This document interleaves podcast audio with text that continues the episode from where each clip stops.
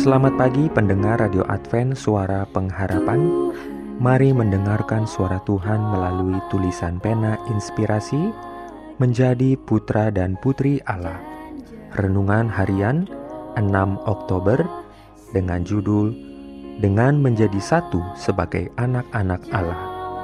Ayat inti diambil dari Galatia 3 ayat 26 Firman Tuhan berbunyi, sebab kamu semua adalah anak-anak Allah karena iman di dalam Yesus Kristus.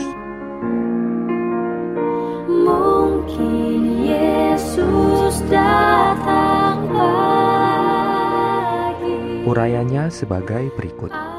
Kita jarang menemukan dua orang yang persis sama. Di antara manusia dan juga di antara hal-hal di dunia ini, ada keanekaragaman, kesatuan dalam perbedaan di antara anak-anak Allah, perwujudan kasih dan kesabaran meskipun ada perbedaan sifat, adalah kesaksian bahwa Allah mengutus anaknya ke dunia untuk menyelamatkan orang berdosa. Kesatuan yang ada antara Kristus dan para muridnya tidak menghancurkan kepribadian keduanya. Dalam pikiran, dalam tujuan, dalam karakter, mereka adalah satu, tetapi tidak secara pribadi. Dengan mengambil bagian dalam roh Allah, menyesuaikan diri dengan hukum Allah, manusia menjadi bagian dari kodrat ilahi. Kristus membawa para muridnya ke dalam persatuan yang hidup dengan dirinya dan dengan Bapa. Melalui kerja Roh Kudus dalam pikiran manusia, manusia menjadi sempurna di dalam Kristus Yesus. Persatuan dengan Kristus membangun ikatan persatuan dengan satu sama lain. Kesatuan ini adalah bukti paling meyakinkan bagi dunia tentang keagungan dan kebajikan Kristus dan kuasanya untuk menghapus dosa.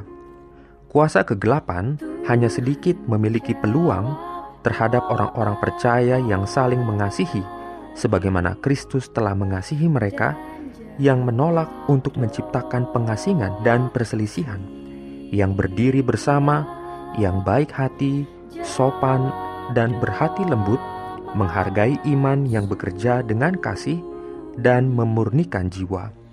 Kita harus memiliki roh Kristus, atau kita bukan milik Kristus. Bersatu kita teguh, bercerai kita runtuh.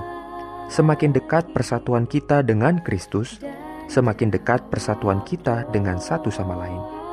Perselisihan dan ketidakpuasan, keegoisan dan kesombongan berusaha untuk dominan. Ini adalah buah dari hati yang tidak bersatu, terbuka untuk menerima musuh jiwa. Setan bersuka cita ketika dia bisa menabur benih pertikaian. Dalam kesatuan ada kehidupan, kekuatan, yang tidak bisa diperoleh dengan cara lain. Amin. Ataupun hari siang Jangan lupa untuk melanjutkan bacaan Alkitab sedunia. Percayalah kepada nabi-nabinya yang untuk hari ini melanjutkan dari buku 2 Korintus pasal 12. Selamat beraktivitas hari ini. Tuhan memberkati kita semua. Mungkin datang malam sunyi